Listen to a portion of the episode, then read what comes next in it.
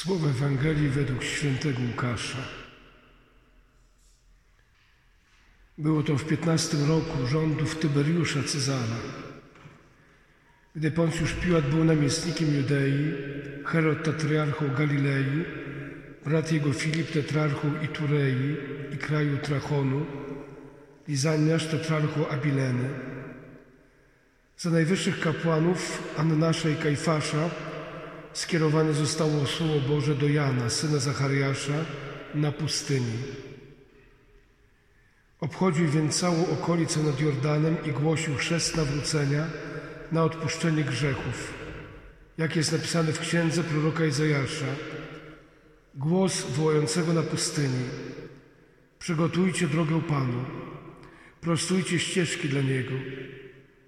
Każda dolina niech będzie wypełniona, każda góra i pagórek zrównane. Drogi kręte niech staną się prostymi, a wyboiste drogami gładkimi. I wszyscy ludzie ujrzą zbawienie Boże. Oto słowo Pańskie. Moi drodzy, druga świeca w wieńcu adwentowym zapalona. Tak jak powiedzieliśmy sobie tydzień temu, ta druga świeca nosi nazwę świecy pokoju, świecy Betlejem. Na pamiątkę miejsca, gdzie przyszedł na świat Zbawiciel, wcielone Słowo Boże. Miasto pokoju, raczej ta nazwa kieruje nam się, naszą myśl ku Jerozolimie, Jeruszalem, miasto pokoju. I to już można powiedzieć od czasu Abrahama, Melchizedeka. Ale Betlejem jest również miastem pokoju, bo tutaj narodzi się według zapowiedzianych proroc Izajasza Chrystus, książę pokoju. To tutaj aniołowie będą zwiastowali chwałę Bogu i pokój ludziom dobrej woli. Dlatego Betlejem staje się miastem pokoju. Ale staje się miastem pokoju dlatego, że tutaj narodził się Zbawiciel. Można było powiedzieć, że nie tylko ze względu na ten konflikt, który się dzieje teraz obecnie na granicy polsko-białoruskiej, można powiedzieć, że nie ze względu na te wszystkie konflikty zbrojne, które toczą się w dzisiejszej Europie, w dzisiejszym świecie, te wszystkie napięcia, te wszystkie wewnętrzne jakieś walki, ale także bez względu na to, jakie toczą się wewnętrzne walki gdzieś tutaj różnych frakcji, różnych stronnic, różnego sposobu patrzenia, różnych ideologii itd., tak itd., tak to można było powiedzieć, że to wszystko dzieje się ze względu na to, że brak pokoju w człowieku. Że najpierw ten pokój musi być pokojem w człowieku. I kiedy mówi się o pokoju sumienia, o pokoju serca, co to znaczy być człowiekiem pokoju? Co to znaczy być człowiekiem, który ma spokojne sumienie? Co to znaczy być człowiekiem, który jest dobrej woli? Bo to właśnie zwiastowane w Betlejem. Być człowiekiem pokoju to najpierw odnaleźć tajemnicę siebie, żyć ze sobą w zgodzie. Zdaję sobie sprawę z tego, że brzmi to jak w jakichś poradnikach do, do trenowania personalnego, do, trener, do treningu personalnego, że jest to bardziej jakaś sztuka motywacji, jakiejś autosugestii, która może niekiedy nie ma nic wspólnego, albo bardzo często nie ma nic wspólnego z wiarą, ale tak uczciwie mówiąc, wrócić do siebie, wrócić do człowieka. Bardzo dla mnie jest to bliska tematyka, zwłaszcza teraz, kiedy rodzi się powoli ta nasza fundacja, która ma na celu wychowanie integralne człowieka, ma na celu spojrzenie integralne na rozwój człowieka. I to, co często też podkreślam, także w wielu kazaniach, w wielu homiliach, w wielu konferencjach, to właśnie DDC. Pokój człowieka jest wtedy, kiedy człowiek odnajdzie swoją tajemnicę, odnajdzie swoje, swoją tożsamość, która jest zapisana przez Boga właśnie w akcie stworzenia. Można było powiedzieć, że wewnętrzna walka, która się toczy w człowieku, jest walką między innymi na skutek tych różnych dążności, które są i ciała, i ducha, i duszy. To święty Paweł wspaniale zauważał, że w człowieku ta walka musi się toczyć, ona się toczy nieustannie. Można powiedzieć, że ona jest gdzieś elementem spadku po grzechu pierworodnym. Ta pierwotna komunia człowieka z Bogiem, człowieka ze światem, człowieka z drugim człowiekiem, człowieka z samym sobą zostaje brutalnie nadszarpnięta, nadwątlona, uszkodzona, zraniona, skrzywdzona, tak można było powiedzieć, przez grzech. Zatem można było powiedzieć, że pierwsza droga do drogi pokoju to jest droga opuszczenia grzechu, droga wyjścia z grzechu. Jakże wspaniale rozumiał to święty Jan Chrzciciel, którego dzisiaj Ewangelia nam przedstawia, ten moment jego wyjścia z pustyni i rozpoczęcia, głoszenia słowa. Równajcie pagórki, prostujcie drogi. Niech drogi kręte staną się drogami prostymi. No o czym to jest?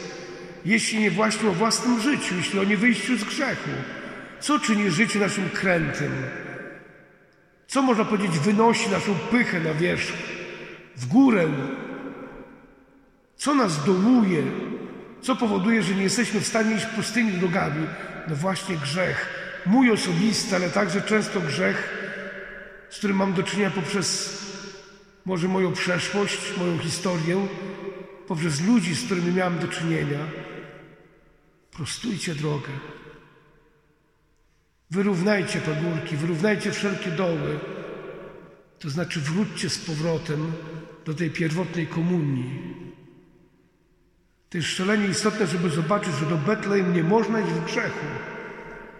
Że nie można przyjmować Boga i jednocześnie wszystko robić, żeby tego Boga nie przyjąć. Wczoraj przeciekawa rozmowa na temat życia duchowego. I rzeczywiście rozmowa z pewną już doświadczoną przez życie kobietą, chociaż młodą kobietą, która ma już na swoim karku, może powiedzieć na swoich plecach bardzo bolesne doświadczenia, także zranienia z miłości. I ten moment, gdy mówi, że odrzuciła Boga, porzuciła wiarę, nie wierzy, że dla niej to wszystko nie ma znaczenia, bo Bóg jej nie pomógł wtedy, kiedy ona najbardziej tego potrzebowała. I kiedy obserwuję ludzi, którzy chodzą do kościoła, ludzi, którzy się modlą, ludzi, którzy y, praktykują, i kiedy widzi później inne życie, mówi: Stop, to nie tak, tak nie może być. Oczekuje, że ci ludzie będą inni. Szlachetne to oczekiwania, jak najbardziej, ale mówię do niej: mylisz pojęcia, mylisz płaszczyzny. Fakt jest taki, że my często niektóre rzeczy, nasze grzechy, nasze słabości chcemy usprawiedliwić wiarą. Tymczasem droga wyjścia, droga powrotu, droga prostowania naszych dróg musi ogarniać te wszystkie wymiary człowieczeństwa. To nie jest tylko kwestia pracy nad własną duchowością, nad modlitwą, nad życiem sakramentalnym, nad praktykowaniem wiary, ale to jest także przyjrzenie się naszemu duchowi, wszystkim naszym emocjom, naszym uczuciom, pragnieniom, marzeniom, tym wszystkim, co można było powiedzieć jakoś dzieje się we mnie, co też może doznało jakiegoś skrzywdzenia. To, co byśmy pięknie powiedzieli, kwestia poznania siebie, kwestia popatrzenia na to, gdzie ten duch, te moje psychę potrzebuje uzdrowienia. To jest kwestia także szukania odpowiednich pomocy. Jeżeli trzeba, to także i terapii. Wiem, że niektórzy są temu przeciwni.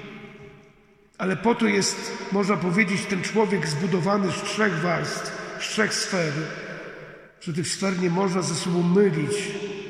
One, każda jest potrzebna, każda jest istotna, ale musi być ich współgranie. Zatem mówię, nie myl do tej dziewczyny, nie myl tych płaszczyzn. To, że ktoś się modli, to, że ktoś chodzi do kościoła, nie znaczy, że pracuje nad sobą w sferze swojej popędliwości, porządliwości, uczuć, namiętności, pragnień, emocji.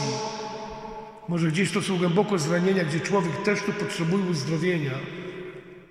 I nie mówię, że Jezus nie jest w stanie tego uzdrowić jak najbardziej, ale też po to mamy konkretną pomoc, fachową pomoc, by także do niej się udać.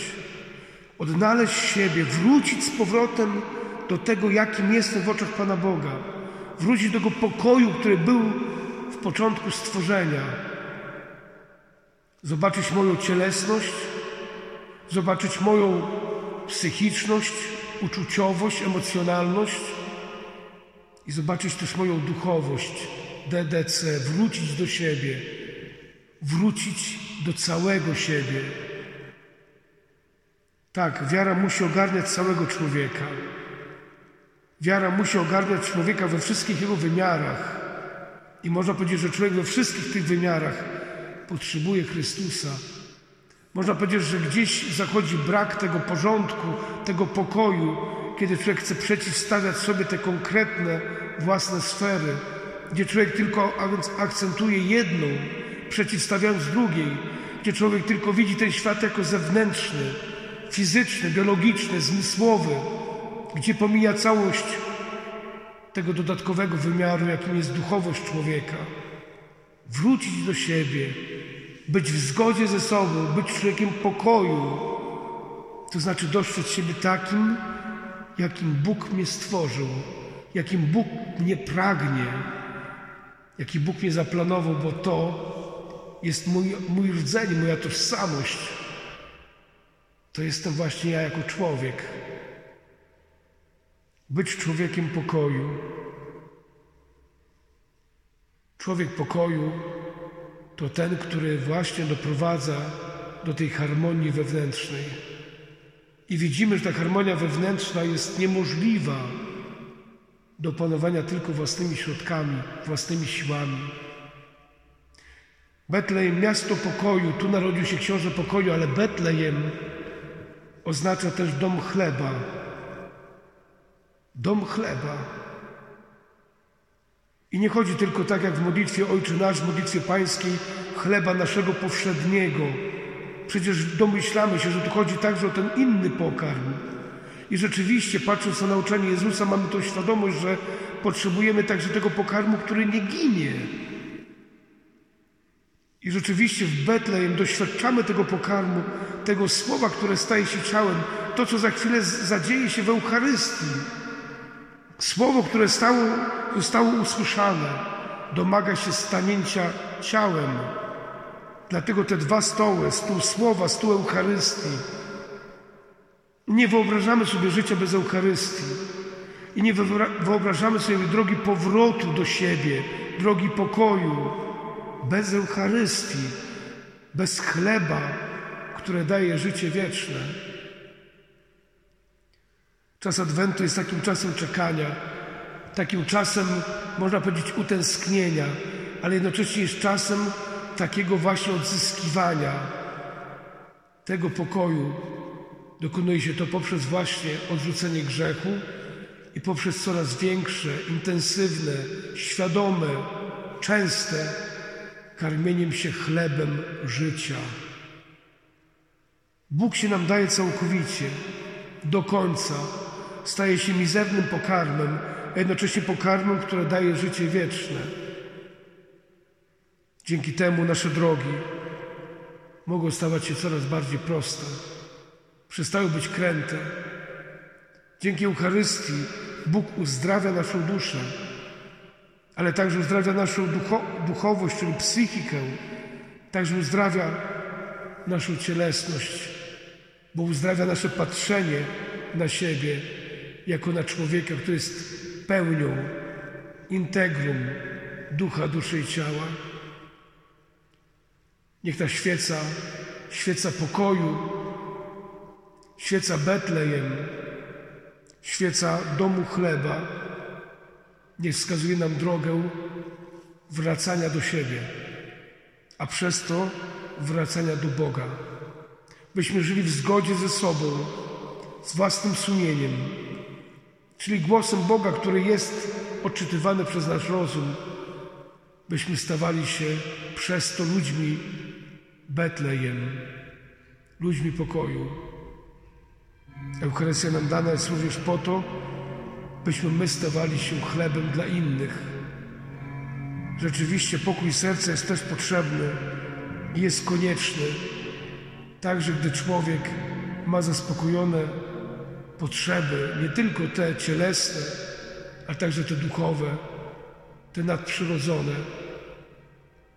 Trzeba stawać się na wzór Chrystusa chlebem, którym, jak mówił święty brat Albert, każdy może podejść i kawałek wziąć dla siebie.